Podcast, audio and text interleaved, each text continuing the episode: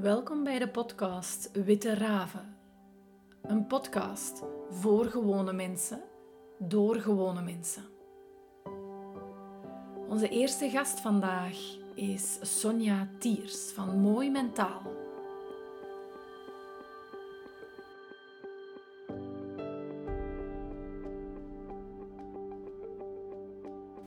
Het mentale dat is abstract en het wordt concreet via emotie en het lichamelijke.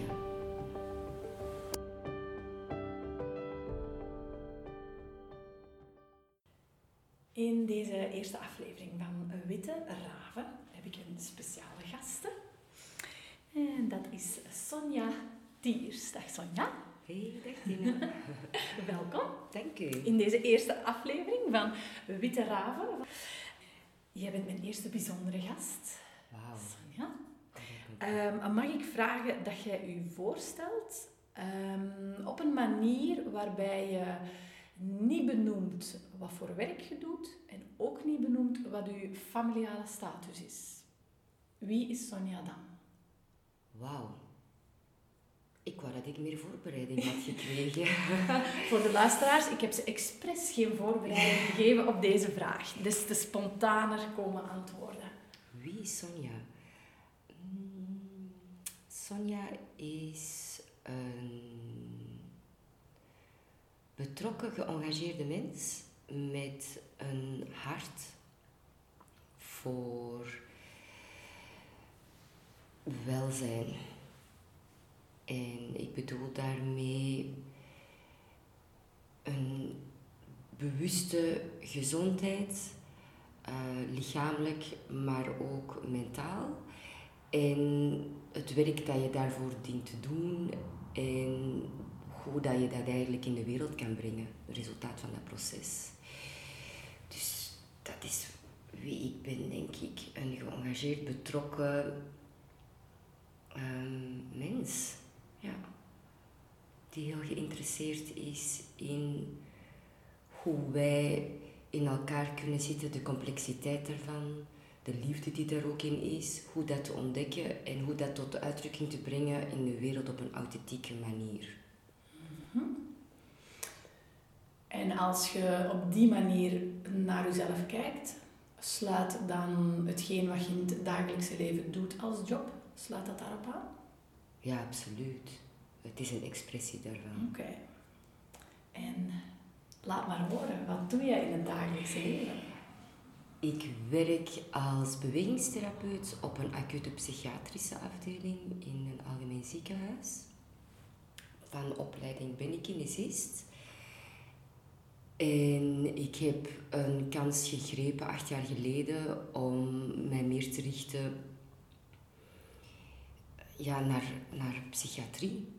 En, en daar heel veel bij geleerd over de samenhang tussen het mentale en het fysieke en hoe het een het andere beïnvloedt.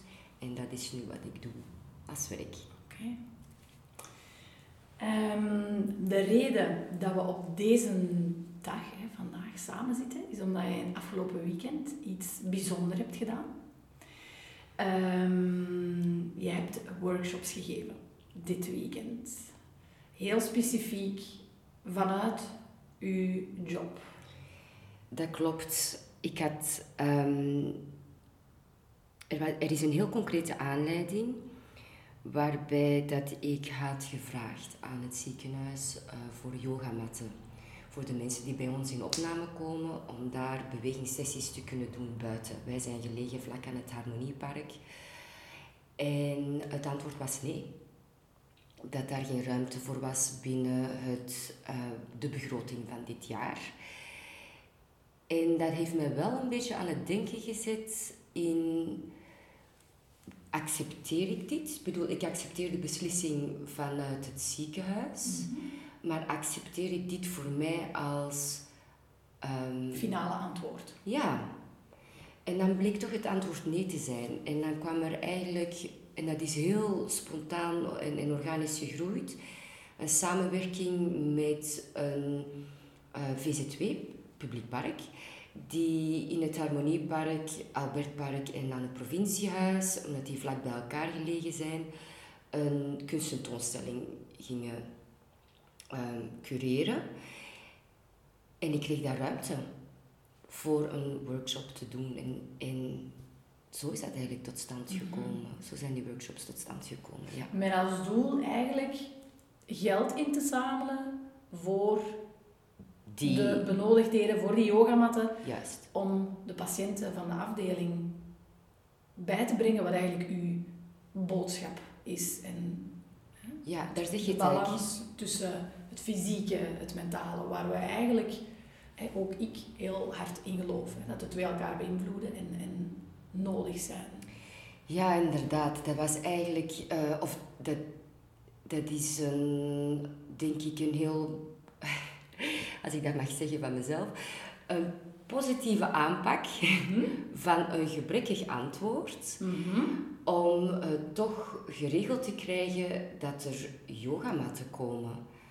Ehm, omdat inderdaad, ik geloof op een yogamat heel mooie dingen kunnen gebeuren. Dat is een plek waarbij dat je letterlijk stilstaat of beweegt, eh, maar echt bij jezelf en in jezelf kan komen. En dat kan via yoga, maar nog veel meer meditatie of aandacht enzovoort. Dat was de opzet. En uiteindelijk is de, de kunst ehm to the rescue gekomen om dat te realiseren. Ja. Ja.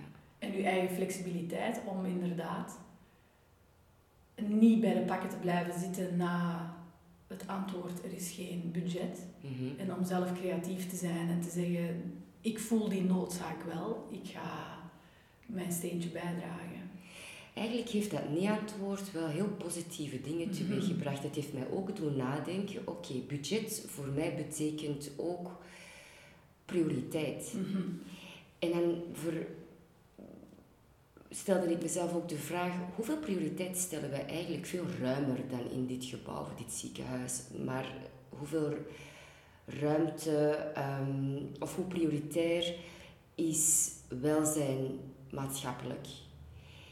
We zijn wel precies akkoord dat crisis en therapie nodig is, maar wat dan welke aandacht is er voor eh, zorg en preventie? Mhm.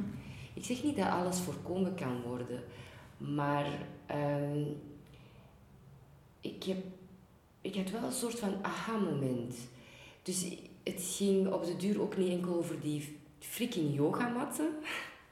Het werd ruimer. Ja, over een, een boodschap willen eh, delen van kijk, we gaan onszelf toch ook zien als mentale wezens.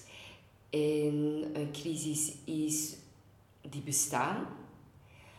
Ehm, maar zorgen voor onszelf kan misschien veel meer deel worden van ons dagelijks leven. Dat was eigenlijk de Mhm. boodschap ook. En daarin eigen verantwoordelijkheid pakken. Ja. Zoals je eigenlijk, om het dan terug te brengen naar de yogamatten, wat eigenlijk wordt gevraagd van het moment dat je op een yogamat kruipt. Pak uw verantwoordelijkheid op uw eigen mat. Ja, dat is waar.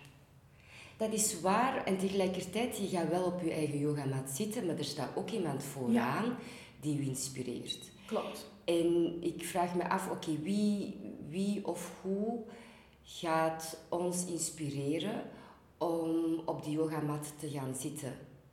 Ehm, of liggen of Mhm, bewegen. mhm.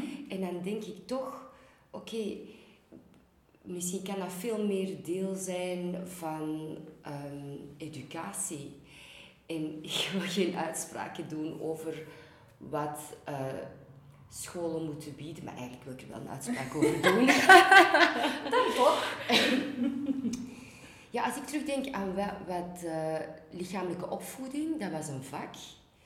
Zo heel het lager onderwijs middelbaar door. Dat behelsde vooral het aanleren van spelregels van sport. Maar heb ik daar ergens educatie gekregen over zo zit een lichaam in elkaar?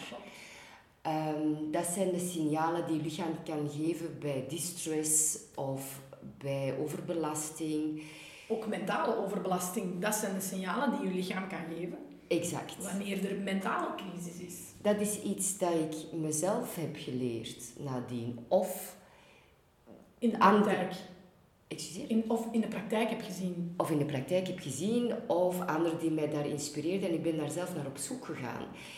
Dus ik denk, ja, oké, het is niet alleen voldoende om te zeggen um, een yogamat hè, als metafoor voor creëer iets waarbij dat je veilig kan landen bij jezelf, bewust. Maar ook wie gaat ons inspireren. En Mhm. ik zou het echt heel graag zien dat dat veel meer deel wordt van wat lichamelijke opvoeding is.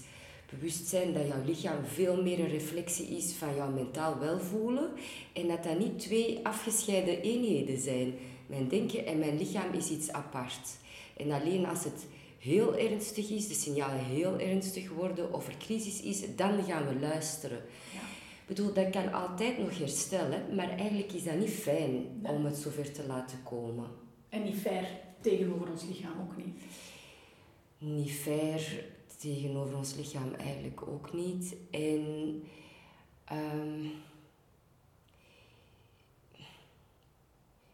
ja, ik heb, ik heb de idee dat dat ook een heel grote impact heeft op hoe dat je functioneert in je relaties, in je werk. Dat werpt toch ongelooflijke vruchten af als je jezelf weet te reguleren, Mhm. een, een balans zoekt en houdt. Dat, dat werpt vruchten af. En dat gaat niet enkel om nare dingen of moeilijkheden te voorkomen of erger te voorkomen, maar ook over ja, vreugde. Het, het is gewoon echt heel fijn om goed in je vel te zitten, in de brede betekenis van het woord. Ja, in de grote betekenis, inderdaad.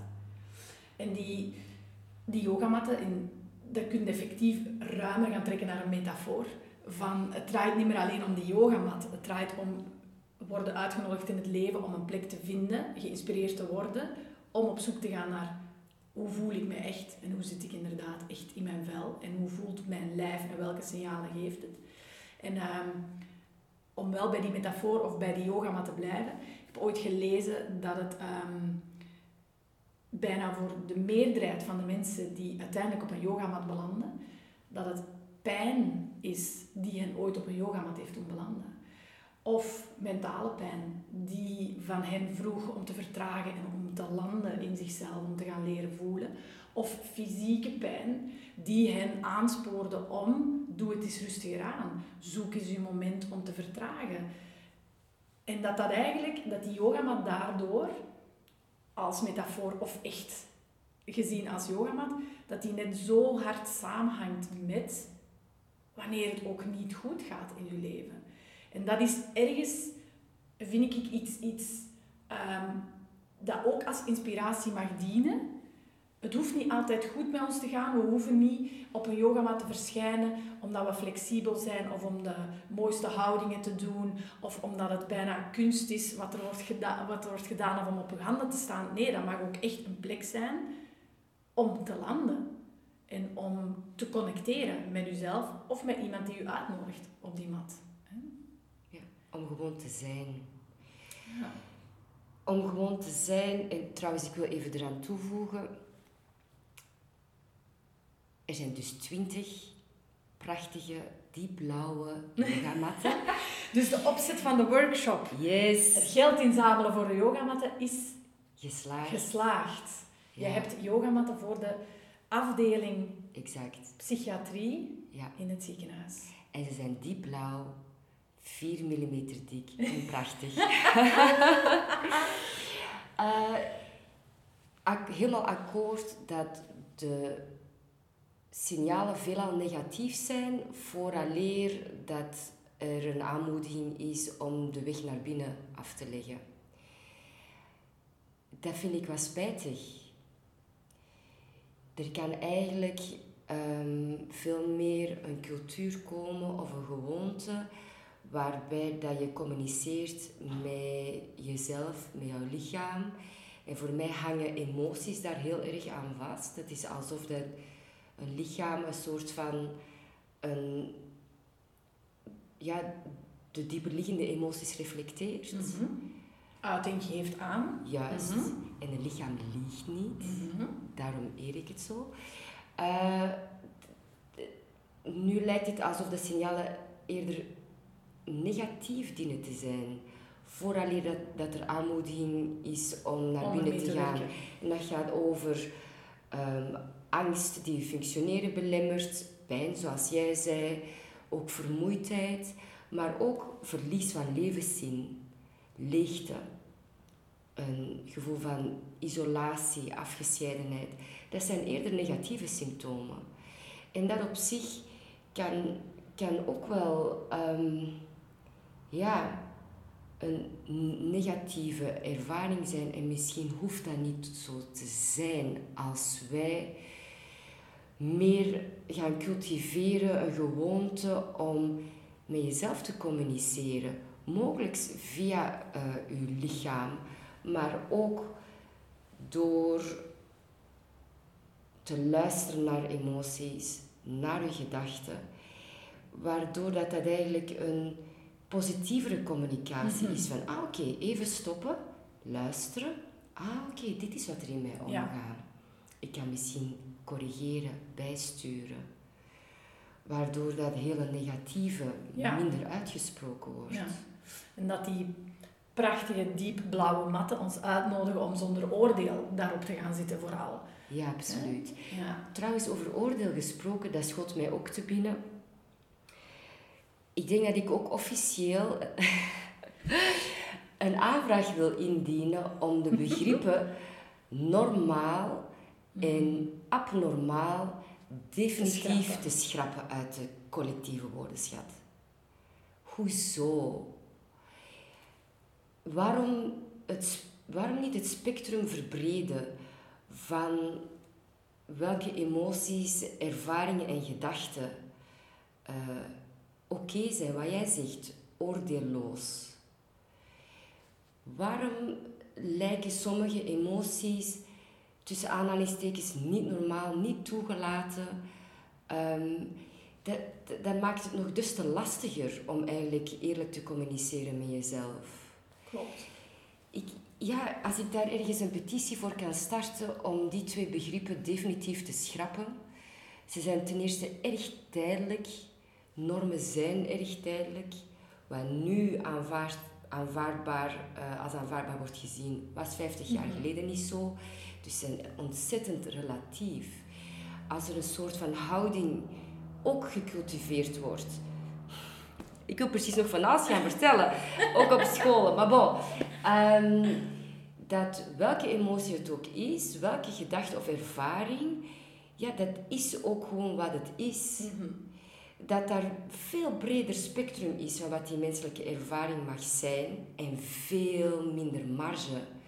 Nu heb ik de indruk ook dat als mensen zich laten opnemen, dat daar toch nog iets van oordeel Mhm. Eh, over zichzelf of ten aanzien van de wereld eh, over is. En dat is spijtig, alsof dat zij behoren tot een marge. Ik heb een moment gehad, en dat was eigenlijk in het begin dat ik daar werkte. Ik zat met een groep mensen buiten op een bankje in het park. En we waren zo aan het kijken ook naar de passage, want er passeert wel wat volk door een park. En ik bedacht mij, wat is eigenlijk het verschil? Tussen hen die hier passeren en, degene, ja, en, en hen die nu eh, in opname zijn. Uiteindelijk, hè, ik, ik geloof dat wij allemaal hele moeilijke, ja, allemaal, dat is een veralgemening. Het is misschien veel correcter om te zeggen dat wij diepe ervaringen hebben. Of je nu in opname dient te zijn, een periode in je leven bij momenten of niet. Die, dat onderscheid mag veel, ja, misschien weggegomd worden. Dat is wat ik bedoel met minder marge, breder spectrum. Ja, ja. Kleur, gewoon, er is veel meer kleur dan zwart en wit. Ja, Normaal, abnormaal, daar zit zoveel tussen. ja. echt een petitie, Tina. Bij deze, de link zal in bio te vinden zijn. maar dus, je voelt effectief heel sterk, ook bij je leven, ehm, inderdaad, haal het begrip abnormaal uit de marge. Ehm, en sta toe dat iedereen mag zijn. Punt. En ga dan nog een keer het zijn van iedereen opentrekken, mentaal en fysiek. Dat een zijn meer is dan uw emoties of hoe dat het u in uw hoofd soms doet eraan toe gaan. Maar trek het open ook naar dat fysieke. Um, ik, de kleine mm. noten, want nu, um, ik wil niet zeggen dat, dat alle gedrag zomaar toegestaan is. Mhm. Hè? Maar over wat de innerlijke ervaring is van emotie, gedachten, um, dat daar een soort van brede verdraagzaamheid voorkomt. Gedrag, dat is nog iets anders. Daar heb je een verantwoordelijkheid ten aanzien van jezelf en, ten aanzien van mhm. anderen. Ja, klopt, klopt. Die workshops die je afgelopen weekend gedaan hebt, heb je gedaan onder een prachtige noemer. Mooi mentaal. Um, dat heb je voor jezelf opgericht. Dat begrip, dat allesomvattende, mooi mentaal. Kun je eens toelichten wat daar wat daarachter zit? Achter, hè, ergens, er zat iets in u die afwijzing op begrotingsvlak heeft, dat waakvlammetje dat in u zat, heeft daar een serieuze, schone steekvlam van gemaakt. Heeft u doen in actie schieten? Heeft u op de voorgrond doen zitten? Hè? Waar dat je misschien daarna, daarvoor eerder van aan de zijlijn wel uw bedenkingen had. Heeft u dat plots naar de voorgrond getrokken en je zegt, ja maar, nee, nee. Dan, nee, nee, daarmee sluiten niet al mijn deuren. Ik trek er open. En daar was mooi mentaal. Zo is het eigenlijk een beetje. Ja, inderdaad. Want ik, ik, ja, ik, dat, dat bestaat dus nu op Instagram. Ik heb dat nooit gehad. Ver buiten mijn comfortgebied. Maar ik dacht, dit gaat niet over mij, dit gaat over een boodschap en daar geloof ik in. En waar dat je naam eigenlijk vandaan komt, want oorspronkelijk dacht ik meer... Er is een uitdrukking in, in het Engels van... Um, are you mental? Maar dan eigenlijk als mhm. een, een belediging. Klopt. Mhm. En wat ik mij bedacht was, ja, dat is geen belediging. In plaats van normaal, abnormaal, let's all admit we're a bit mental. Toch? Ja. Heerlijk. Liever gek dan normaal dan, dankjewel. Maar um, ik wou daar wel de schoonheid aan toevoegen of zo. In die zin, ik geloof dat wij mentale wezens zijn als ik kijk ehm, naar waar dat mensen op vastlopen of waar ik vast opgelopen ben, is eigenlijk in een ontkenning hoe mentaal ik of wij zijn. En hoe bepalend dat emoties zijn. Het is daar dat het moeilijk loopt. Want als het allemaal zo biologisch was, dan denk ik niet dat het zo in de knoei zou lopen. Als het allemaal met ratio op te lossen was, dan denk ik dat de wereld er anders zou uitzien. De wereld ziet eruit zoals het eruit ziet. Of wij uh, gedragen ons zoals we ons gedragen. Omdat het mentale, het, eh, het emotionele ons ontzettend impacteert. Of leidt misschien zelfs. En voor u is dan het mentale stuk iets dat losstaat van ratio en toenadering vindt bij ons gevoelsleven? Nee, het staat er ik hoor het jou zeggen, nee, het staat er niet los van. Maar het is ruimer dan enkel het rationele. Het gaat, ook, het gaat absoluut over de manier dat je denkt. Mhm. Ehm, maar ook hoe dat je je voelt. En hoe dat je jezelf en anderen percipieert. En hoe bepalend het is, hoe diep dat je jezelf kent. Ja, dat ik heb de indruk dat het enorm bepaalt hoe dat je kijkt, ziet en voelt en mhm. interageert. En interageert met relaties rondom u. Ja. Dus eigenlijk het, het mentale als wij, mens als intelligent wezen. Los van IQ intelligent, maar gewoon wij als denkend, voelend, voelend wezen. Juist. Ja, waarin we ons onderscheiden van heel veel andere zaken in de natuur, in de kosmos. Ja, wij kunnen kiezen. Mhm. In welke modus, denk ik, meer. Dat En wij kunnen oordelen. Ook dat Ja. is ons stuk. ja, nu als die oordelen liefde, liefdevol zijn, geen probleem. Maar helaas. Helaas, helaas. Dus vandaar tot, hè, is het mooi mentaal stuk gegroeid. Juist. Heb je bepaalde doelstellingen nog met mooi mentaal? Mooi mentaal, zoals ik het van u begrepen heb, is ook eerder een boodschap. Ja. Heeft, heeft eigenlijk een, ehm, nog geen vorm of kan in elke vorm bestaan. Het is nog geen bedrijf, wil je zeggen. het, is, het is niet een, een, het is, het is een boodschap die je wilt uitdragen. Hè? In, in, in schoonheid in uw vel zitten, zowel fysiek, mentaal, emotioneel, die zaken. Het is inderdaad eh, een boodschap om op een hele liefdevolle manier om te gaan met het mentale wezen dat ik denk dat wij zijn. Ja. Ja. Ehm, de vorm is niet, dat ligt niet vast, inderdaad. Ik vond het fijn om die workshops te doen. Ik moet ook even vermelden dat ik dat samen met Dodi heb gedaan. Eh, hij is een kunstenaar van Mexicaanse afkomst, maar ook zen-boeddhist. Mhm. En hij heeft ook twee workshops eh, meditatie gegeven, waarvoor heel veel dank. Dodi, love you. Ehm, dus workshops, ja, dat voelt juist. Maar dit voelt ook juist. Mhm. Een, een gesprek, een babbel. Mm, het, is nog in beweging en ik wil mij eigenlijk niet vastzetten in welke vorm dat het tot uiting komt. Ik, ga, ik moet ook ehm, volgen wat mij ligt. Dus die workshops, dat ligt mij, want dat, dat sluit heel erg aan met waar ik van hou, namelijk echt in, in levende lijven, echte interactie en samen een moment iets creëren en inspelen op wat zich aandient. Ehm, zoals nu met jou, voor mij is dat ook een gesprek, podcast. Dus dat is wat het nu voorlopig is, Mhm. maar eh, het is iets in wording. Ja.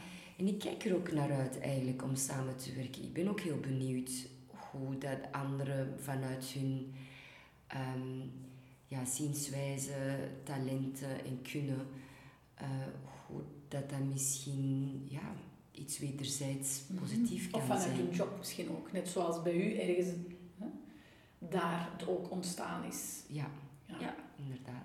En misschien moet mooi mentaal opnieuw eerst ergens terug een nee krijgen op een of andere vraag om weer zich te laten zien hè, in een andere vorm. Mhm, Oké, Dat kan. goed. Ik, ehm, ik bedank jou van harte voor dit gesprek. Ehm, ik ben heel blij dat de yogamatten er geraakt zijn op uw afdeling. Want dat wil ik toch ook nog even herhalen wat je daar eh, als voorbereiding hier aan de podcast we even eh, gebabbeld. En toen zeiden nog iets heel moois, en misschien is dat wel een mooi om af te sluiten.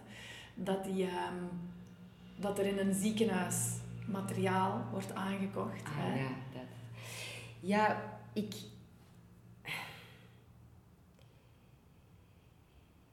ik... Ik denk dat ik een beetje... ehm, inderdaad, ik denk dat er geen twijfel is over dat een, ehm, een chirurg zijn materiaal nodig heeft. Ja. Wat dat dan ook technisch mogen zijn.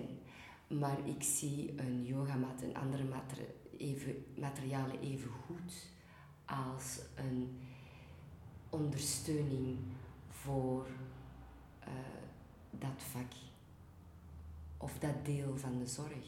Mhm. Ja, Ja, en daar zouden we nog net met allemaal iets meer in mogen gaan geloven. ja absoluut dat het ook Ja. wordt gezien. Alles dat dat faciliteert, dat zijn ook instrumenten. Ja. En dat al mijn collega's eh, of iedereen die in, in, zor- op een zorgende manier werkt, denk ik ook beseft, zorgen voor jezelf is geen overbodige luxe, maar een noodzaak. bij deze. Daarmee sluiten we af. Dankjewel voor je komst, Sonja. Mijn eerste witte raaf met al jouw passie en vuur. Dankjewel, Tine.